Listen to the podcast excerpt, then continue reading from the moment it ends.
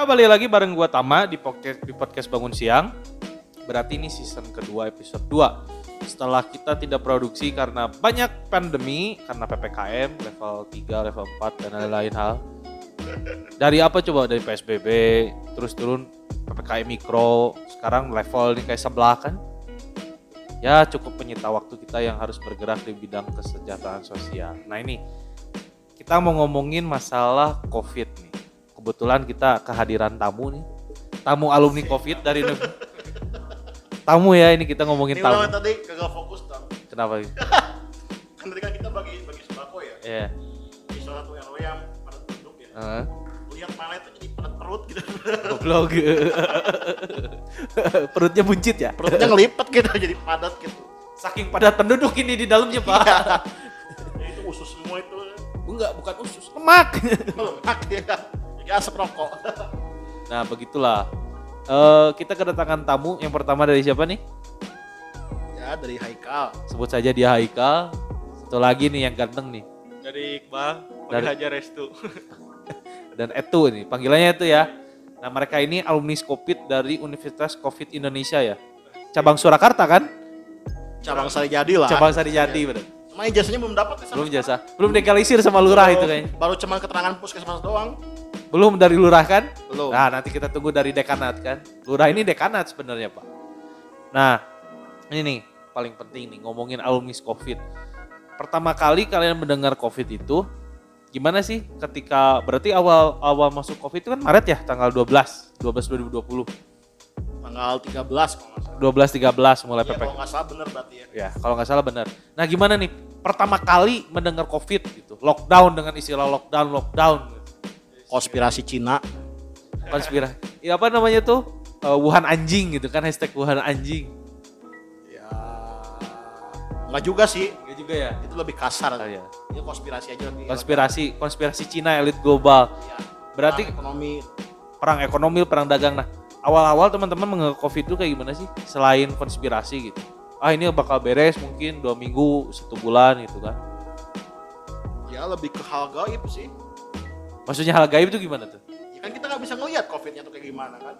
Tahu-tahu banyak yang sudah apalagi dulu tuh, mati. tuh ya apalagi waktu itu pasti awal-awalnya covid itu kan lihat di berita-berita di Cina itu sampai ada kejang-kejang gitu kan.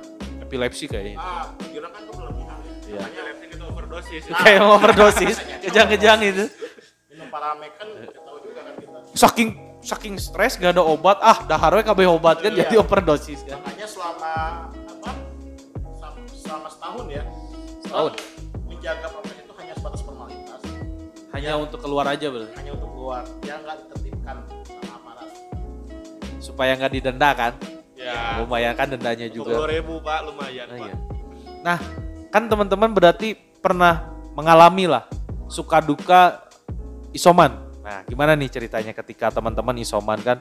Dari awalnya nggak percaya pas lihat itu gimana tuh hasil kalau dari positif orang suka duka ya sukanya sih ya yang jelas istirahat ya selama 10 hari di rumah. Tidak kerja berarti kan? Time tidak dong enak. Everyday is Sunday berarti kan? Sunday tapi kalau yang dukanya ya itu sih. Nggak dapat gaji? Ya dapat gaji ya terus jauh dari teman juga dari keluarga juga Dari si dia juga dari ya. si dia juga Sebenarnya bukan dijau- soreang. dijauhi teman sih, bukan dijauhi teman. Mereka menjauh. mereka menjauh anjing Anjing covid, menghargai kita yang sedang isoman. balik mana yang asup bukan menjauh tapi menghargai Bukan, bukan kita yang menghargai, tapi mereka yang menghargai kita. gitu. Iya. Udah kita selalu ngajak ngopi ya Iya. di rumah Sini main ke rumah. Ah malas ah gitu kan. Mendadak sombong kan anjing. Menandak ken- kenapa kok checklist satu gitu kan. Iya. Ada daftar blokiran ternyata ya. Nah, gimana nih ceritanya nih waktu isoma nih? Dari siapa dulu nih? Dari Estu dulu deh kayaknya nih. Selama isoman tuh waktu dulu eh waktu kemarin-kemarin disuruh 10 hari sih orang sama dokter oh ya sebelum mungkin orang kasih tahu dulu ya gimana awal orang Boleh boleh nah, COVID-nya. awalnya gimana tuh?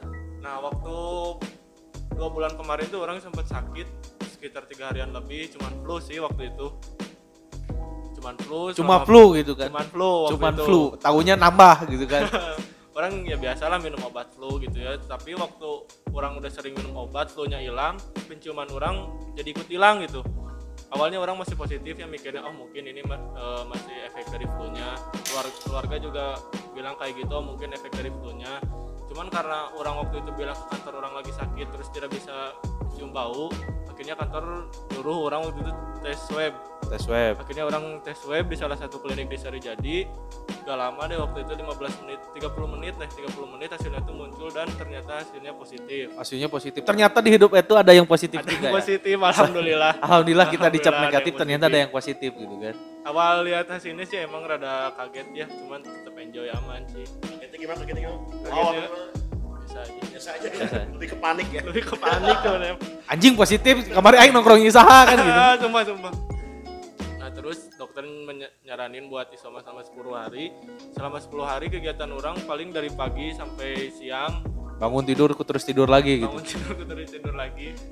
Paling pagi-pagi berjemur sekitar sekitar dua jaman terus olahraga makan oh berarti ada rekomendasi dokter ya? Ada ada rekomendasi. Ada. Kan selama penciuman hilang nyium sabun berarti nggak bisa. Bisa. Ya kan? semua semua nggak bisa. tapi nyium uang bisa nggak? Sekepok "Oh, anjing duit 10 juta Ya, duitnya bisa duitnya bisa berarti kan? Ngambil duit duit duit duit, duit. Wah, cuan nih. Terus selama selama di rumah kan nonton TV terus berjemur YouTube.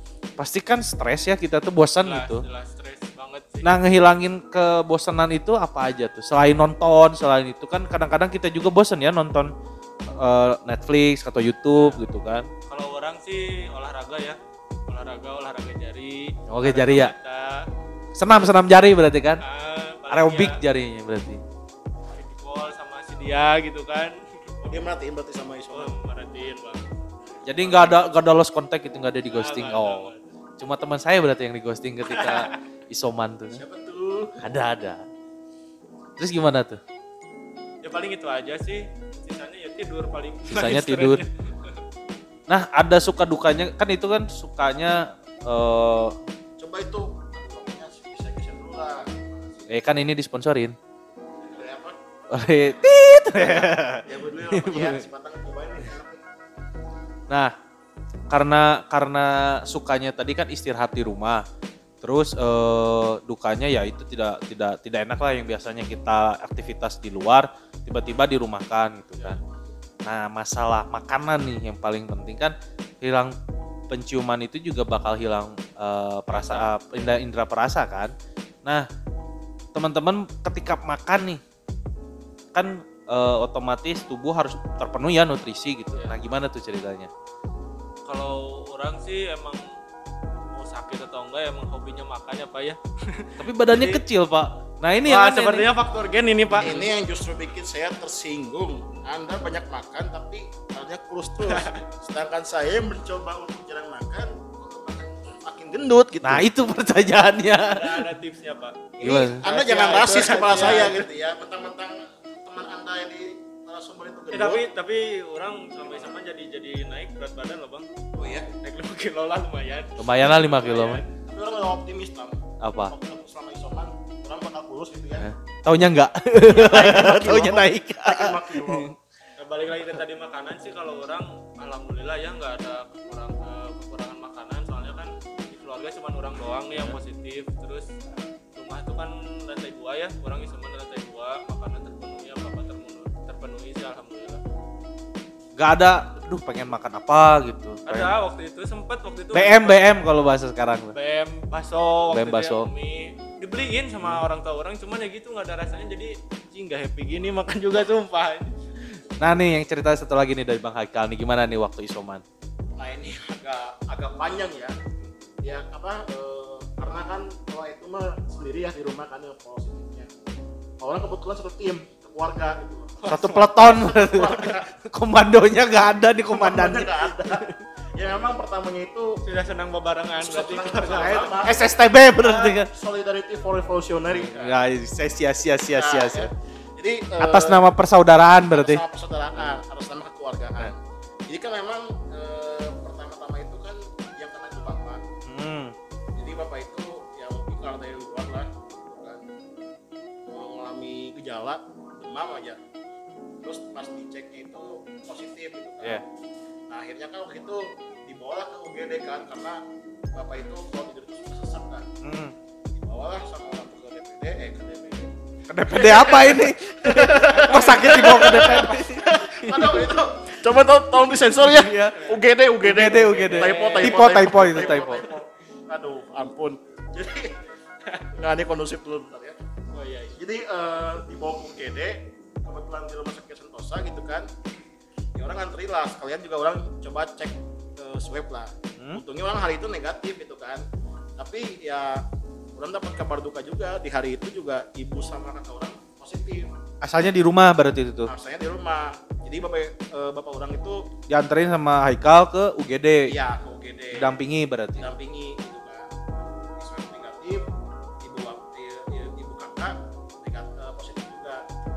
nggak mau ngungsi lah Nah itu yang nganterin ibu sama kakak ke rumah sakit posisi Haikal ini kan di di UGD berarti kan? iya Nah yang nganterin ibu sama kakak ke UGD juga siapa? itu tuh kalau nggak salah mereka naik grab ke apa Cipedes ada klinik gitu Hmm? jadi memang sebelum mereka berangkat juga dikasih tahu ke supirnya Oh, kalau ya. misalkan mereka ini terdampak gitu Ya jadi supirnya juga udah udah antisipasi lah. udah antisipasi reaksinya positif nah karena seharian orang nemenin babe orang gitu kan pulang ke rumah pun juga waktu itu langsung ngambil pakaian-pakaian Berarti mendampingi di UGD sampai dapat kamar. ya dari Karena kan- pagi sampai jam 4 sore lah kalau Berarti lama juga ya sampai dapat kamar tuh. Nah, ini ntar akan nyambung nih Oh, iya. ke proses orang kenapa bisa covid gitu. Oh kan. ya lanjut lanjut lanjut. Nah, karena eh, apa? Yang pertama itu ketika misalkan eh ketika orang udah nganterin baterai karena ngungsi tuh pulang Ya. maghrib rumah ambil pakaian gitu Hmm. kan ngungsi di kantor gitu kan.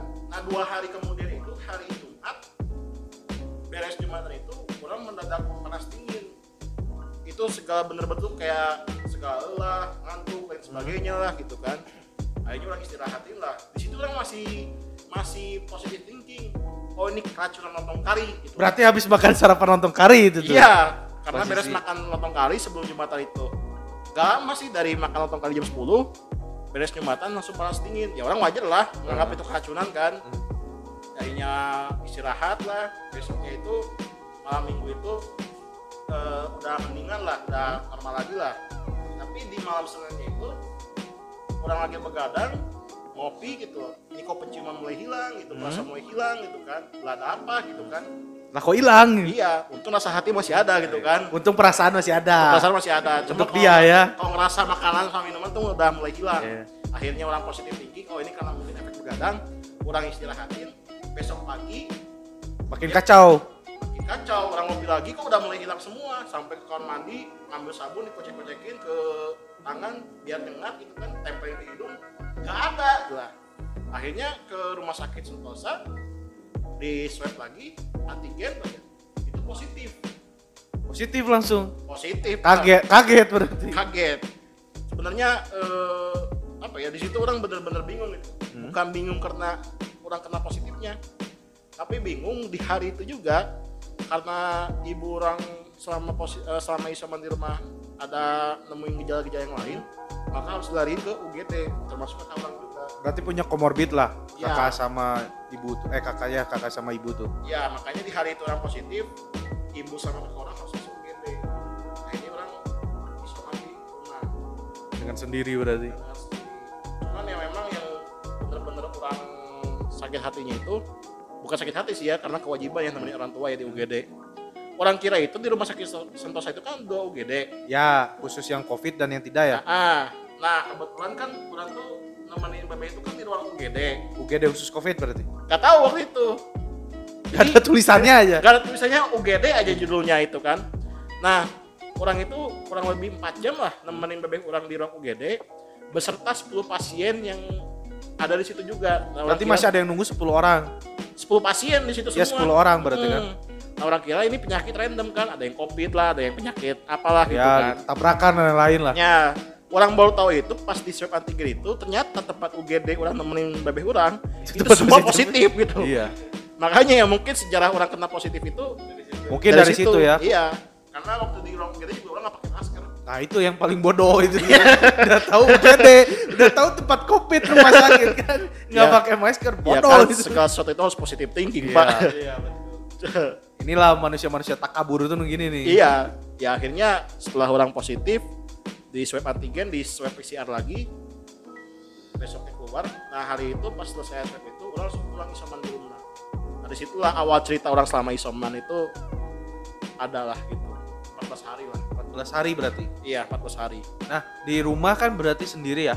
Kan kalau kalau Restu ini di rumahnya ada keluarga, dia di lantai dua, keluarganya di lantai satu kan. ya di lantai dua orang Nah, kalau Bang Haikal kan posisi sendiri nih, Iya, apalagi laki-laki lah. betul. Nah, untuk memenuhi kebutuhan tuh kayak gimana tuh? Nah, karena kan sebelumnya ibu sama kakak itu udah isoman, Ya. jadi kan ada kakak yang di Jakarta itu dia ngirimin bahan-bahan makanan lewat online. Oh iya iya. Jadi udah disediain stok lah buat selama isoman. Daging lain-lain kayak gitu. Ah, jadi tinggal dimasak aja. Nah, jadi nggak terlalu nggak terlalu pusingin masalah makanan karena udah ada udah ada stok sebelumnya. Paling kalau misalkan tiap siang itu adalah di di komplek orang itu warganya pada pada perhatian semua. Care lah ya. Iya, jadi selama 9 hari isoman itu tiap jam 12 siang itu ada yang ngirimin makanan. Dia makan siang berarti. ya? Iya. Nah, ntar kalau misalkan mau makan malamnya itu ada tetangga yang inisiatif mau dibeli makanan nggak? Nah, tinggal ini aja, tinggal transfer aja, nanti dia yang beliin gitu. Nah, paling masak buat paginya doang. Masak pagi. Nah, biasanya sarapan apa tuh kalau misalnya pagi itu? Paling bikin nasi goreng, Nasi goreng. terus itu roti tawar, pakai selai kayak gitulah. Kadang cuma buah-buahan aja. Ya berarti kan eh, apa namanya? kebutuhan tuh berarti disediakan ketika makan pagi gitu. Iya. Nanti masyarakat apa namanya? tetangga lah, tetangganya nanti bantu di makan siang sama di makan malam berarti ya. Iya, betul. Nah, selain misalnya kebutuhan makan nih, ada nggak nih kebutuhan-kebutuhan lain misalnya kayak air, gas atau bayar apa, bayar apa gitu. Nah, alhamdulillah sih selama isoman kan kalau di keluarga orang itu punya cerita sendiri ya. Hmm. Jadi kita nggak mesen air galon. Hmm. Jadi kita kadang kalau misalkan mau bikin air minum itu ngerebus dulu dari air keran gitu. Ya. Kita rebus lagi ya mungkin biar lebih terjamin lah higienisnya kan. Nah, kalau gas sih kebetulan banget itu waktu pas sama isoman nggak ada masalah sama gas jadi on terus ada terus sampai selesai isoman juga. Kayaknya baru diisi juga kayaknya gasnya. Iya, Kayaknya ya. Nah, ini yang paling penting kan beberapa orang juga yang isoman hari ini kan sebenarnya untuk makanan ya sama juga lah tetangganya care gitu. Nah, tapi kan kayak gas nih kan kadang-kadang ada nih yang masyarakat yang warganya tuh nggak bisa masang gas tuh kan. Jadi kita kitanya dilema buat tetangga ya masang gas masuk ke rumah yang covid takutnya kan covid juga gitu. Nah, eh, kan tadi selama berarti 10 hari sama eh, 14 hari ya. Kalau Haikal 14 hari, kalau Iya, F tuh hari. Nah ini yang paling menarik nih tadi ceritanya Haikal adalah kan tadi eh, kehilangan penciuman itu panas dingin dan lain itu sebelum Jumatan nih. Nah setelah Jumatan ada kepikiran nggak ketika udah di swab gitu kan positif yang tadi jemaah di masjid tuh gimana tuh? Ada pikiran ke sana nggak? Eh, sorry sorry, kalau swab itu di hari Seninnya, Hari Seninnya. waktu pas eh, penciuman sama perasa udah hilang. Heeh. Nah demam itu di hari Jumat sebelumnya. Hmm. Ya orang sih waktu itu tetap aja positif thinking itu keracunan lontong kari gitu loh karena beres makan lontong kari nggak lama kemudian langsung demam Nah gitu. bagi yang ikut Jumatan, nah hati-hati kalian.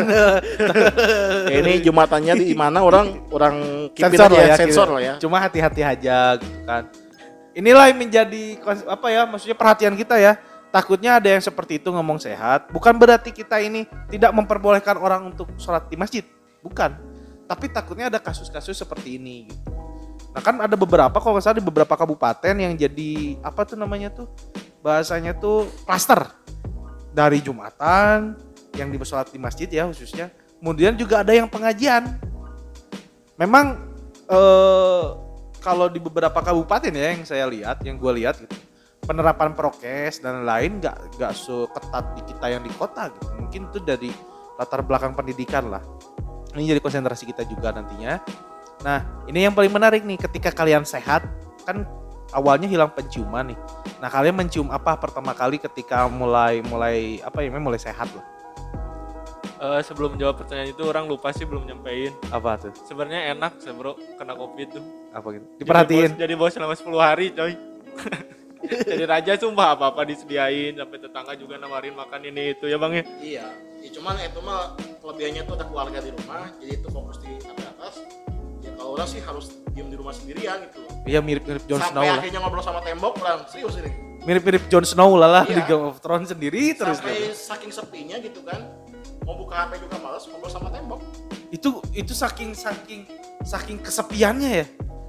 Eh, lebih ke apa ya butuh teman ngobrol sih sebenarnya Kan Karena- sekarang canggih ya gitu. Kenapa gak nelpon teman gitu? kenapa nggak VC sama bebeknya Oh, gitu kan Kan perhatian dulu mah kan ketika dia sakit ngasih kue gitu kan, ngasih jus jambu. aduh Aduh. ini kalau lari ke perasaan ya Iyalah, COVID itu kan menaikkan imunitas dari perasaan. Kalau misalnya kita se- kita merasa senang, bahagia kan imun jadi bagus Ah, itu imun jadi bagus. ya mungkin katakanlah kayak misalkan orang selama positif di isoman di rumah mungkin orang lagi mengalami gejala kegilaan lah makanya ya mungkin tembok pun orang ajak ngobrol gitu loh Untung gak halu ya, untung Nggak halu. bener-bener bener gak halu. kayak misalkan serius nih kayak misalkan orang lagi habis makan apa orang laporan gitu loh jadi seakan-akan tembok ini kayak keluarga orang lah orang sharing lah gitu loh ini saturasi makan orang bagus gitu. nih gitu loh orang habis makan ini nih walaupun bisa nggak bisa ngerasa apa-apa gitu kan Terus ditanya, tadi makan apa? Temboknya kalau ada yang jawab kayak gitu gimana?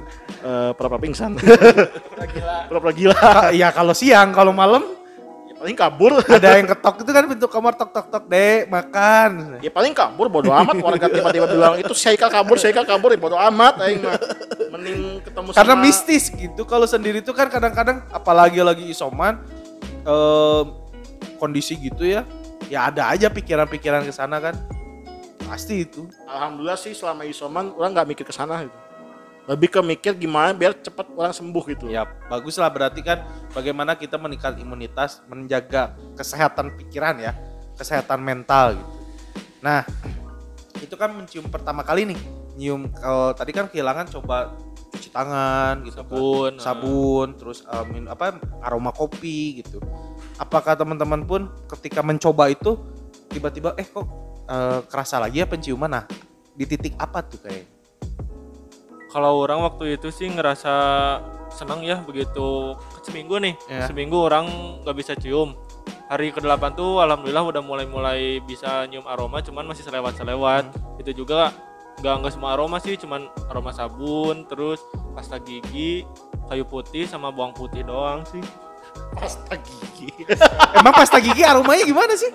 Kan kalau pasta gigi mah kerasa ya minus mi, eh minus min gitu. kan orang pasta giginya min bro jadi ada aromanya nggak ada ada enggak enggak Nih. Nih, nih orang nih lagi ngebayangin nih si Eto itu dia ngerasain pasta gigi itu dikicap-kicap dah, dikicap Iya kan? kicap gitu loh. kan kalau Oh, ya, misalnya ngerasain, berarti kalau ngerasain. sabun iya soalnya kan anosmia bukan bukan cuma nggak bisa nyium ya ya perasa kan rasa juga ngaruh makanya bingung nyium nyium pasta gigi ya pasta gigi emang ada ada ada baunya Enggak, tapi gitu. sumpah orang iseng pasta gigi ke tangannya terus dicium aja. Untung tangan dingin. panas. Kan gigi kan panas ya kan kalau misalnya kena kena kulit yang Kumis, sensitif. kena mah. kumis eh, panas. Panas. Tapi ada juga sih yang dingin gitu. Iya, itu kan yang min. min. Tergantung merek gitu. Ya, orang Iya. itu yang min. Iya, yang min kan biasanya panas kan aneh juga. kalau Bang Haikal gimana tuh, Bang? Pertama kali mencium lagi lah. mulai bisa nyium itu jujur ya Hmm. eh, ini orang langsung nyobain mie instan kita nggak usah sebut Mereknya nggak usah coba sebut merek ya cuma rasanya sangat penyengat aja. rasa yang sangat dirindukan selama orang isoman gitu kan kalau itu mungkin makanan yang lain ya Iya. apa sih itu Orang nasi padang sih, rendang, Iya sih. rendang. Uh, nasi rendang gitu kalau orang mah yang pertama coba itu mie instan itu karena selama isoman itu yang orang kangen itu itu bau itu gitu Dan Apalagi ketika- rasanya ya. Iya, apalagi rasanya. Dan ketika mulai bisa nyium sama ngerasa, itu jadi suatu kenikmatan yang hakiki bagi orang. Ini yang gua cari, Pak ini. Apalagi waktu pas di swab lagi Iya. eh, untuk menentukan negatif atau positif. Negatif, orang langsung nyari warung kopi, nyimpang ke situ, mesen good day mochaccino, aduh nyebut merek lagi, nggak apa lah ya, Gak apa-apa lah. nggak apa. Ya kira-kiranya dari Good Day mau sponsor kita kan Nah boleh. iya boleh. Iya, sponsor langsung pesan kopi eh, ngehirup apa eh, langsung ngerokok itu bener-bener apa ya Nikmat bener- lah. bener-bener nikmat walaupun misalkan waktu pas beres isoman itu asap dari rokok itu masih aneh rasa nggak sih tuh Iya, enggak enggak jelas sih aroma si jelas ya? asap rokoknya. nggak jelas juga gitu tapi ya itu jadi suatu kebanggaan bagi orang gitu loh bahwa orang sudah melewati masa-masa isoman yang bagi orang itu menjadi Berat sebuah lah. berat lah gitu bagi Soalnya kelas kita yang memang aktivitasnya banyak gitu Ya, apalagi kita yang punya, yang biasa di luar, aktivitas di luar kan kayak ada yang hilang gitu di hidup kita tuh ya. Ya itu Iya. yang berat sih. hirup juga uh nyawaan pokoknya Asli, bener bener. Ya kan hidup bersosial kan kita biasa bersosial kan bukan introvert juga. Aneh aja gitu. Yang paling dikangenin kan kalau Bang Haikal Indomie nasi Padang gitu. Nah ada lagi kalau misalnya minuman kan tadi Good Day. Nah kalau itu apa nih? Selain nasi Padang gitu. selain nasi padang paling ayam geprek sih pak Ya kan itu Geprek. makanan. gitu. terus kalau kalau minuman Sponsor. sponsor ini. Ini jago nih. Bridgingnya bagus. kalau minuman eh, nggak nggak coba yang aneh-aneh sih waktu itu cuma nutrisari doang yang kayak gitulah. Itu yang menjadi kenikmatan ketika ya maksudnya kita merasakan ketika salah satu penginderaan kita hilang ya ternyata gak nikmat juga gitu. Yang pandai-pandai bersyukur aja kita yang sekarang sehat. Berarti kan bagaimana sebenarnya menjaga kesehatan bukan mengobati kan? Menjaga lebih lebih baik daripada mengobati gitu. Nah Ya. ini. Makanya kan kayak misalkan jujur kadang beberapa orang-orang itu ketika misalkan mereka kena gejala covid nafsu mereka kan hilang tuh. Ya apalagi kayak makan. Jujur ya orang selama isoman itu walaupun nggak bisa ngerasa nggak bisa apa nggak bisa ngecium Hmm. orang itu makan yang biasanya dua kali sehari itu lima kali sehari. Sama orang juga sampai tujuh kali sehari itu pak serius itu. Efek vitamin kayaknya. Kan direkomendasiin vitamin kan? Ya dan juga ya memang yang harus diperhatikan mungkin bagi teman-teman ya kalau misalkan ya pahitnya terdampak covid jalani isoman itu bukan pakai hati tapi otak pakai ya? otak. Percuma kalau misalnya kita pakai hati baperan gitu kan karena nggak bisa nyium nggak bisa rasa jatuhnya ke apa? Ke imun gitu. Rungsing jadi iya bawaan makanya walaupun kita nggak bisa nyium apa apa nggak bisa ngerasa apa apa ya makan aja. Fokusnya buat apa? Buat kebutuhan kita menjaga imun kita gitu. Makanya pakai otak gitu. anggap aja program naikin berat badan. Nah, program naikin berat badan gitu kan. Gimana yang kita yang gendut pak? Kita kan pengen kurus. Ya kan iya juga sih kan orang gendut ya Iya.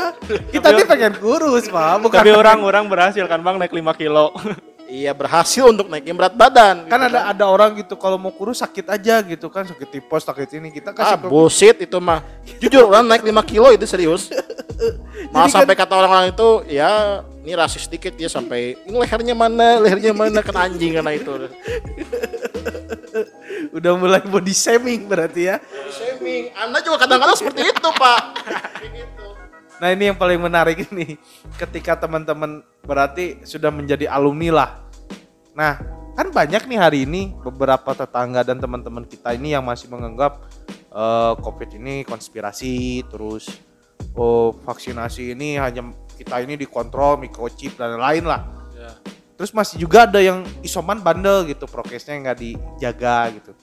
Nah, pandangan teman-teman gitu, apa yang dirasakan ketika teman-teman ini sudah merasakan gitu pahitnya isoman, tiba-tiba ada orang yang kayak gitu gitu. Nah, mungkin apa ini yang mau disaringkan gitu? Kekesalan seperti apa gitu. Mau dari siapa dulu? ya paling orang pengen lihat juga ya kadang juga selain itu juga ya banyak orang yang tiba-tiba mendadak menjadi ahli covid gitu Ahli ya. ahli covid gitu Udah kan, udah dengan- sekelas Menkes iya, berarti kan? sekelas Menkes mengkritik pemerintah lah mengkritik apalah kebijakannya apa kebijakannya yang salah lah atau apalah gitu loh. Sebenarnya begini lah ya buat teman-teman yang mungkin eh, belum terdampak covid dan masih menganggap covid itu hal yang receh ya apalagi konspirasi dan sebagainya ya mohon maaf gitu loh. Orang harus bilang kalian anjing gitu loh. Kenapa sih orang harus bilang kalian anjing gitu karena apa? Dengan apa ya? Teman-teman meremehkan covid dengan teman-teman tidak menaati prokes itu sama aja teman-teman itu mencelakai diri sendiri dan juga teman-teman di sekitaran kalian juga gitu loh. Apalagi keluarga kalian. Ya syukur-syukur kalau misalkan di keluarga kalian itu ya nggak punya penyakit bawaan gitu loh. Coba pikirin lah kayak teman-teman yang punya eh, keluarganya punya penyakit bawaan gitu loh. Ini juga orang sampaikan ini ya berduka cita buat Tama yang beberapa minggu lalu mungkin bibinya ya yang Tante? terdampak tante ya terdampak covid. Tante sama nenek. Tante sama nenek gitu kan. Nah ini bagi orang teman-teman yang sampai sekarang masih menganggap covid itu remeh itu ya belum mengalami hal-hal seperti itu loh gitu loh. Ditinggalkan orang tersayang gitu loh. Teman-teman terdampak gitu loh. rugi sebenarnya kalau misalkan teman-teman itu nggak apa ya nggak mentaati prokes lah. Kemanusiaan itu di berawal bukan dari seberapa jauh kalian teman-teman itu memperjuangkan apa yang menjadi aspirasi rakyat Iya. itu Kalau gue sih bang udah terbiasa ditinggal waktu sayang sayangnya gitu. Iya. Jadi, jadi udah terbiasa gitu. Anda ini kebiasaan curcol di tempat orang itu kan. Ini lagi acara ini curcol terus. Maksudnya Ya. tuh begini nih, kayak misalkan teman-teman aktivis lah. Orang banyak kan kenalan aktivis itu. Ya. Dia memperjuangkan rakyat lah, pengen demo dan sebagainya, demo atau aksi lah, menuntut kebijakan lah gitu kan. Menuntut tanggung jawab pemerintah kota Bandung lah. Kata orang, lah. kata orang bullshit gitu loh. You kalau misalkan mau peduli sama rakyat, ya lu tunjukkan dulu gitu loh sifat kemanusiaannya itu Iya. dari simpati dan empati. Simpatinya apa? You menghargai orang yang terdampak COVID atau misalkan teman keluarganya yang ditinggalkan akibat COVID dengan apa? Tidak tidak membuat hal-hal atau membuat postingan-postingan yang menganggap COVID ini sebagai hal yang receh gitu. Ya, ya. Dan teman-teman berempati pun juga apa? Dengan menerapkan protokol kesehatan gitu. Ya. Memakai masker, menjaga jarak, ya dengan 5M-nya lah. Ya, Untuk teman-teman sendiri dan keluarga teman-teman sendiri gitu. ya, ya. Betul, betul, betul. Karena kasihan loh, kayak misalkan ada keluarga yang ditinggalkan salah satu anggotanya gitu kan. Terus teman lihat postingan teman-teman gitu yang menganggap COVID ini receh lah sebagainya lah gitu loh. Menganggap apa? Oh, yang meninggal ini penyakit lain dan sebagainya gitu. Sakit hati, seriusan Iya. gua. Makanya gua makanya orang bilang you tuh anjing gitu loh kalau misalkan masih menganggap COVID ini mainan gitu. Ya. Itu yang yang benar-benar apa ya? Udahlah kesampingkan dulu masalah konspirasi, kita pentingkan dulu masalah kesehatan kan. Iya. Sebenarnya kan gitu. Peduli dulu lah sama diri sini dan keluarga terdekat Nah, lah. itu yang paling penting. Nah, pesan dari itu gimana tuh ketika ngelihat temen atau masih gitulah masih nakal gitu. Kalau dari orang sih setuju ya apa yang tadi dikatain sama Bang Haikal. Di orang sih nggak banyak. Intinya jangan dulu kalian jangan sampai kalian masuk ruang operasi baru kalian menghargai bahwa kesehatan itu sangat berharga gitu bro. Jadi ya tolonglah jangan jangan anggap remeh covid ini ya soalnya pengalaman pribadi udah kena emang sedih sih sedihnya tuh. Yang pertama yaitu ya jauh dari temen keluarga walaupun orang waktu isoman kan di rumah tetap orang ngerasa jauh dari keluarga Merasa diasingkan gitu kan. merasa diasingkan juga jadi tolonglah ya seminimalnya kalian pakai masker kayak kalau keluar rumah jangan lupa bawa, bawa apa bawa hand sanitizer itu doang sih kalau dari orang Itulah yang menjadi apa ya? Yang kita harus benar-benar ya edukasi masyarakat gitu kan. Yang ada masih masih ada nih teman kita yang isoman gitu ya, tetangga lah. Tapi masih bandel gitu kan. Keluar nggak pakai masker kan itu Wah, itu Pak, waduh, ada ya. ada.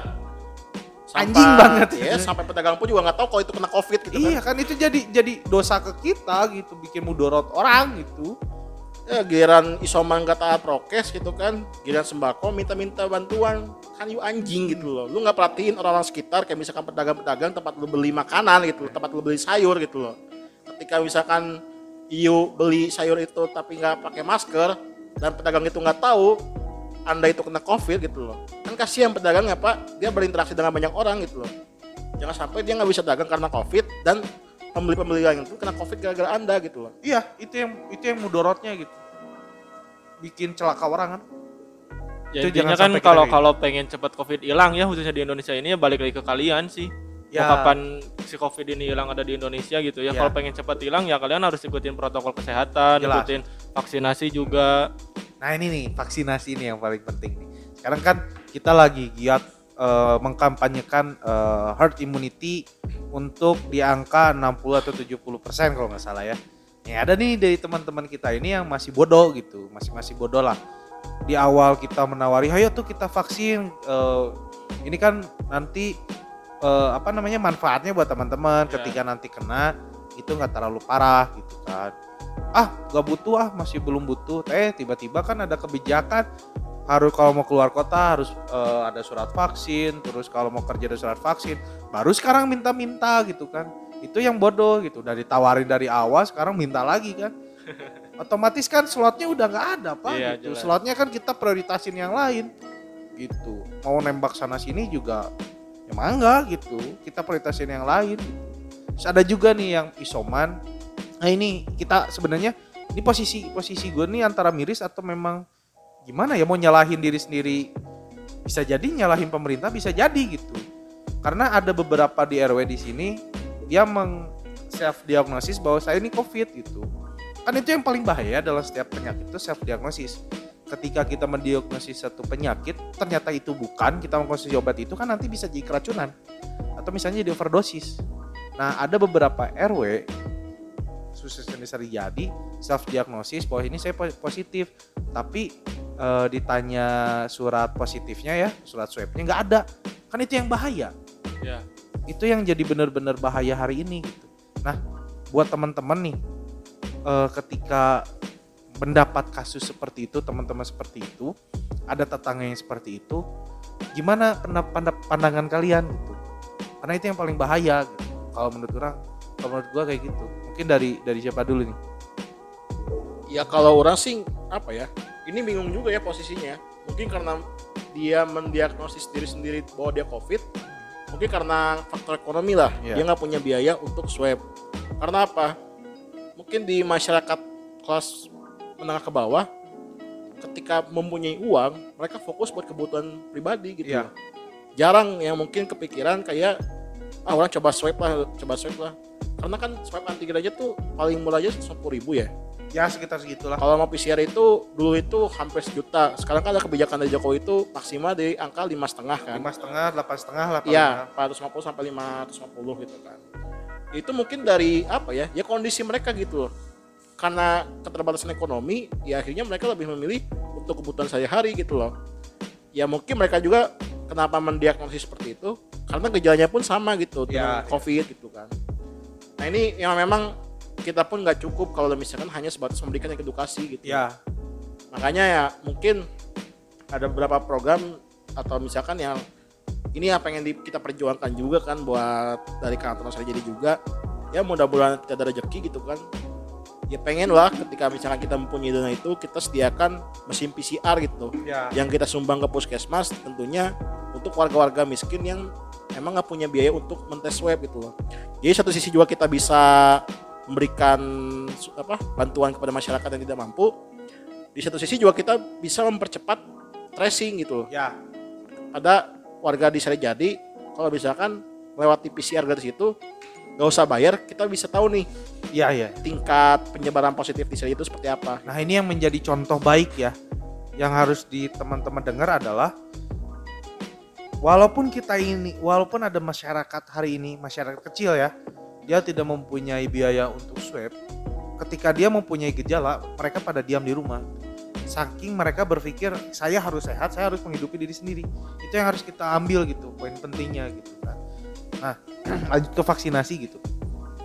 Gue pernah, gua pernah lihat, eh, merasakan lah untuk golongan lansia semangatnya untuk divaksin untuk sehat itu luar biasa gitu dari yang gak bisa jalan yang harus pakai tongkat sampai kursi roda gue pernah lihat semangat mereka untuk siap divaksin gitu yang punya komorbid jantung udah di ring dan lain-lain bawa surat dari dokternya boleh divaksin saking semangatnya kok yang muda nggak mau gitu banyak alasan lah banyak pilih sput eh, apa namanya pilih jenis vaksin gak mau Sinovac saya maunya Sputnik saya maunya Astra, saya maunya Sinovac gitu atau merah putih. Ya bagi gue yang ada ya coba di- digunakan karena kan bukan bukan kafe juga gitu vaksinasi tuh nggak bisa milih ABCD. Kalau kafe kan kita mau ma- minum cappuccino, mochaccino atau misalnya kopi susu ya bisa pesen. Kalau kalau vaksinasi kan nggak bisa gitu. Sampai-sampai bilang saya nggak butuh vaksin gitu. Eh tahunya sekarang minta. Nah teman-teman juga kan merasakan sekarang yang udah alumni COVID harus nunggu tiga bulan ya untuk divaksin. ya harus nunggu tiga bulan sih kalau orang Jadi kan jadi terbatas ruang geraknya kita ingin juga ingin membantu herd immunity-nya negara. Cuma ya gimana lagi? Nah teman-teman yang masih sehat hari ini yang nggak punya komorbid gitu, jangan berpikir bahwa vaksin ini eh, apa namanya bisnis dan lain gitu. Kita kesampingkan itu masalah ekonomi kita kita kepenting kita pentingkan masalah kesehatan. ya lagian gak ada ruginya sih kata orang vaksin gratis iya buat, Iya. buat kesehatan juga iya, Iya. gitu kan ngapain harus harus diambil pusing Iya. gitu kan tinggal kalian datang vaksin pulang udah beres gitu kan. Nunggu udah jangan banyak komen gitu. makanya kan orang juga sakit hati gitu loh karena waktu itu orang Senin dinyatakan positif tanggal lalu 1 Juni Kamisnya itu orang mau daftar vaksin gitu loh sakit hati sih sebenarnya ketika misalkan mau vaksin tiba-tiba dinyatakan positif gitu loh Iya ya. beruntung lah teman-teman yang kali ini belum positif ada vaksin ya sok aja daftar gitu loh kan banyak tuh di tempat-tempat lain yang di komen apa eh, dibuka secara umum gitu kan gratis gitu loh Ya. nggak harus mengeluarkan biaya loh Iya. terlepas permasalahan vaksinnya merek apa merek apa gitu kan ya intinya yang menjadi kebutuhan utama itu buat teman-teman sendiri gitu loh Betul betul betul. kan sekarang akhirnya isunya itu karena kebutuhan. Teman-teman pengen ke mall lah pengen nongkrong lah mau makan lah mau pacaran lah gitu loh. Nggak bisa vaksin. Ya itu yang menjadi sebuah kesalahan ya teman-teman sendiri gitu loh. Jadi jangan merasa sok kuat jangan merasa apa nggak membutuhkan vaksin tapi teman-teman menelan udah sendiri gitu loh. Iya betul betul. malu malu malu apa eh, malu maluin diri sendiri jadinya gitu Itu yang jadi orang-orang bodoh hari ini tuh. Kurang sih paling mau nyampein pesan aja ya, khususnya buat teman-teman orang atau siapa pun itu yang warga Sari Jadi. Yang orang lihat dari kemarin-kemarin nih Bang ya ya. Di Sari Jadi itu padahal tempat vaksin paling enak loh. Ya Tempatnya Paling tertib lah. paling tertib ya yang orang lihat kayak di berita, di TV gitu ya, di YouTube juga, di Instagram. Di tempat orang-orang tuh mereka vaksin kayak yang buru-buru ngedapetin sembako tahu gak sih? Eh, sampai sampai sedek-sedekan gitu kan sampai sampai ada yang pingsan lah. Pokoknya mah yang khususnya nih orang sari jadi mending vaksin deh. Mumpung di sari jadi itu masih ada gitu.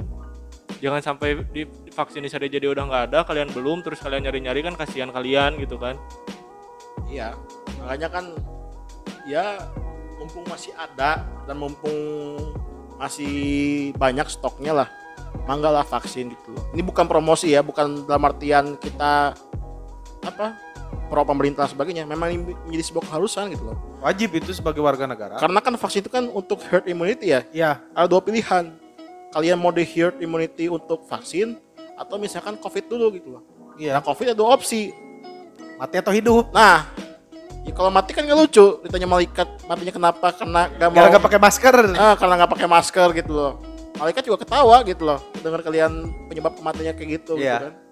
Ya mending divaksin lah. Seenggaknya walaupun buk, apa nggak menjamin kalian nggak akan kena covid, tapi seenggaknya ketika selesai divaksin, ya pahit-pahitnya teman-teman kena covid, ya nggak separah kita yang belum vaksin lah. Iya gitu. betul betul betul sekali. Jadi vaksin itu untuk meren- bukan untuk kebal sebenarnya, tapi sebenarnya untuk mengurangi efek eh, berlebihan dari COVID itu sendiri gitu. Jadi jangan sampai berpikir saya udah di, nah ini juga ada juga nih yang berpikir udah divaksin saya kebal nggak pakai prokes ya bodoh juga gitu. Nah itu anda sontoloyo itu. Itu sontoloyo itu kan Gitu. pemuda tabur gitu. Jadi jangan sampai jadi pemuda sombong gitu. Ujub lah jangan sampai ujub kan saya sehat saya sehat akhirnya ya akhirnya meninggal juga gitu. Kan ada tuh di di Iya saya sehat, saya sehat, saya sehat. Nanti saya di akhirat gitu kan. kan ada juga tuh yang yang di di mana ya? Waktu itu di Facebook ya kalau nggak salah ada video saya nggak percaya covid saya nggak percaya covid covid konspirasi dan lain kena covid meninggal. Kan gak lucu gitu. Itulah jangan sampai jadi Oh. jadi lelucon lah gitu. Yang dihirup-hirup bukan pak? Iya. Yang ini, itulah itu yang orang-orang bodoh itu jangan jangan kita turutin gitu jangan Makanya kan malaikat juga pasti ketawa gitu, lucu gitu. maka jawabannya langsung smackdown itu. Ah sia lembur gitu. maka jawabannya bilang Aisyah tengah tinggal tiwai goblok gitu. Di mejaan. Itulah teman-teman cepat-cepat yang belum divaksin cepat-cepat divaksin khususnya khususnya warga Sari Jadi ya itu kalau misalnya di pasar saya nggak ada teman-teman tiap satu Sabtu itu bisa di Polsek Sukasari itu buka gitu buka eh, giat vaksinasi. Kalau memang nggak ada nanti kita sediakan eh, di mana tempat vaksinasi massal gitu. Ini sih pesan terakhir dari gua khususnya dari gua ya sama teman-teman yang sudah pernah mengalami susahnya covid tetap jaga prokes tetap eh, kita kawal saudara kita yang sedang covid gitu ya jangan sampai eh, dia kenapa-napa kita harus ada stay 24 jam kawal terus masalah saturasi saturasi oksigen itu yang paling penting. Jangan sampai eh, saturasi oksigen ini turun gitu. Kemudian penyediaan vitamin makanan supply supply logistik itu pun teman-teman harus tetap kawal dengan apa ya namanya kawal dengan ketat lah masalah seperti itu kemudian selain prokes teman-teman pun giat vaksinasi gitu itu kan ngebantu kita buat eh, meningkatkan herd immunity supaya pandemi ini cepat beres kita kan pengen kayak Eropa gitu di mana Euro kemarin kan satu stadion pengen penuh gara-gara nonton bola di stadionnya Heeh. Pengen nonton Persib kan, Iya. teriak-teriak Persib nu aing aing nusaha gitu kan. Nah itu kita tuh pengen kayak Euro gitu. Kok ada tuh orang-orang tolol gitu. Ini Eropa aja bisa. Iya karena kan ketat prokesnya apa gitu, nurut gitu. Gak nggak kayak kita bodoh-bodoh semua. Makanya itu mereka-mereka yang mendapatkan informasi itu melewati TikTok. Nah, Nah, itu. Google kan banyak ya. HP you kan smart kan. Lu kan smart gitu kan. HP kan sekarang smartphone gitu loh. Masa otak lu nggak smart? Nah, itu kita harus jadi smart untuk memilah informasi yang sebenarnya layak dikonsumsi dan tidak dilayak konsumsi gitu. Ini pesan gua tetap jaga prokes, tetap imunitasnya dikuat, jangan pernah menyebarkan hoax karena banyak orang meninggal hari ini karena hoax-hoax yang ber- beredar eh, di masyarakat. Siapa lagi coba? Satu lagi, jangan menerima informasi melalui TikTok. Nah, itu nggak valid itu. Gak valid. Nggak valid itu. Jangan pokoknya. Ya bolehlah kalau lihat yang joget-joget mes gitu ya. Nah, Buat hiburan kan. Mau lihat dede-dede gemes mah boleh. Boleh. nambahkan imunitas kan Iya Pak? kan itu kan konten yang menemukan imunitas. Gua Tama, sekian dari gua. Salam bangun siang. Eh, nanti tungguin lagi episode terbaru kita. Assalamualaikum warahmatullahi wabarakatuh.